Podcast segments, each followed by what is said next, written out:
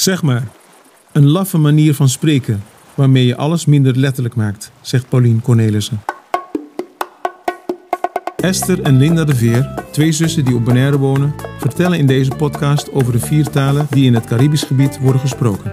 Naast het Nederlands, het Engels, het Papiaments en het Spaans gaat het ook over gebarentaal.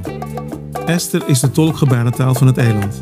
Linda geeft les in het Nederlands, Engels en spreekt goed Spaans. Beide zijn papiamento aan het leren. De podcast Hey zus, je hebt makkelijk praten is een ode aan de bewoners van Bonaire die minstens vier talen spreken. Bravo.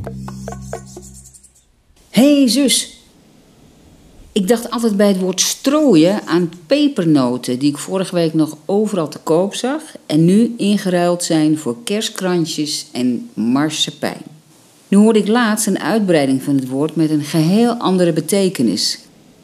Heb jij wel eens van de term strooiwoorden gehoord?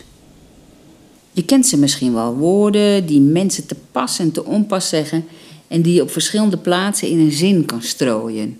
Ze smaken niet altijd lekker, maar kouwen goed weg. Ik zeg ze ook, bijvoorbeeld eigenlijk en nou ja. Meestal gebruik ik ze om de tijd te winnen, zodat ik nog even kan denken wat ik nu precies wil vertellen. Zeg maar is ook zo'n woord. Dat klinkt voor mij als een onzekerheidsformule en die probeer ik dan ook te vermijden. Het zwakt af van wat je wil zeggen. Ook de woordjes ja, nee, meteen achter elkaar in een zin. Dat verwart me altijd een beetje. En niet te vergeten, ergens. Het strooiwoord gaat helemaal niet over locatie.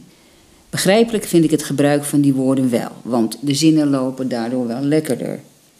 Toen ik gisteren bij de apotheek in de rij stond te wachten, hoorde ik deze zin. Ja, nee, ergens vind ik het eigenlijk gewoon best wel moeilijk. Dit soort van pandemie. Ik vond het grappig dat ik meteen wist wat de zin betekende, maar ik telde ook acht strooiwoorden in die zin. Gebruik jij deze stopwoorden ook? En welke zijn jouw favorieten? hey zus, ja, die strooiwoorden zijn heerlijk.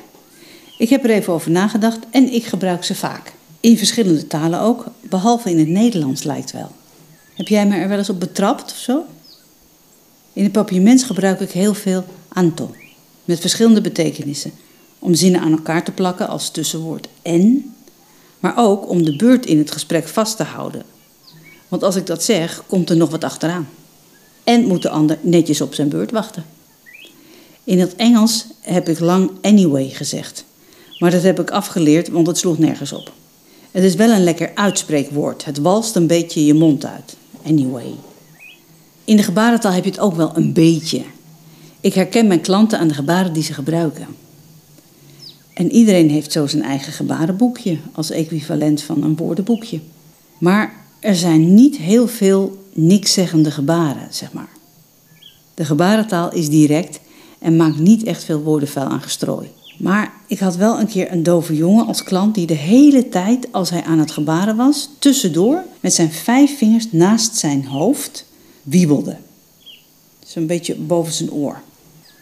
Dat is officieel het gebaar voor dromen of filosoferen. Maar hij gebruikte het om nadenken aan te geven. En ik stemtolkte dan altijd van alles.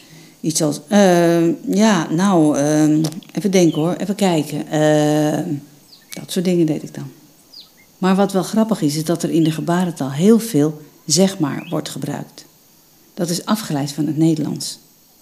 Je hebt die uitdrukking helemaal niet in de gebarentaal, zeg maar. Maar als iemand het in een vergadering heel veel zegt, maak ik wel dat gebaar daarvoor.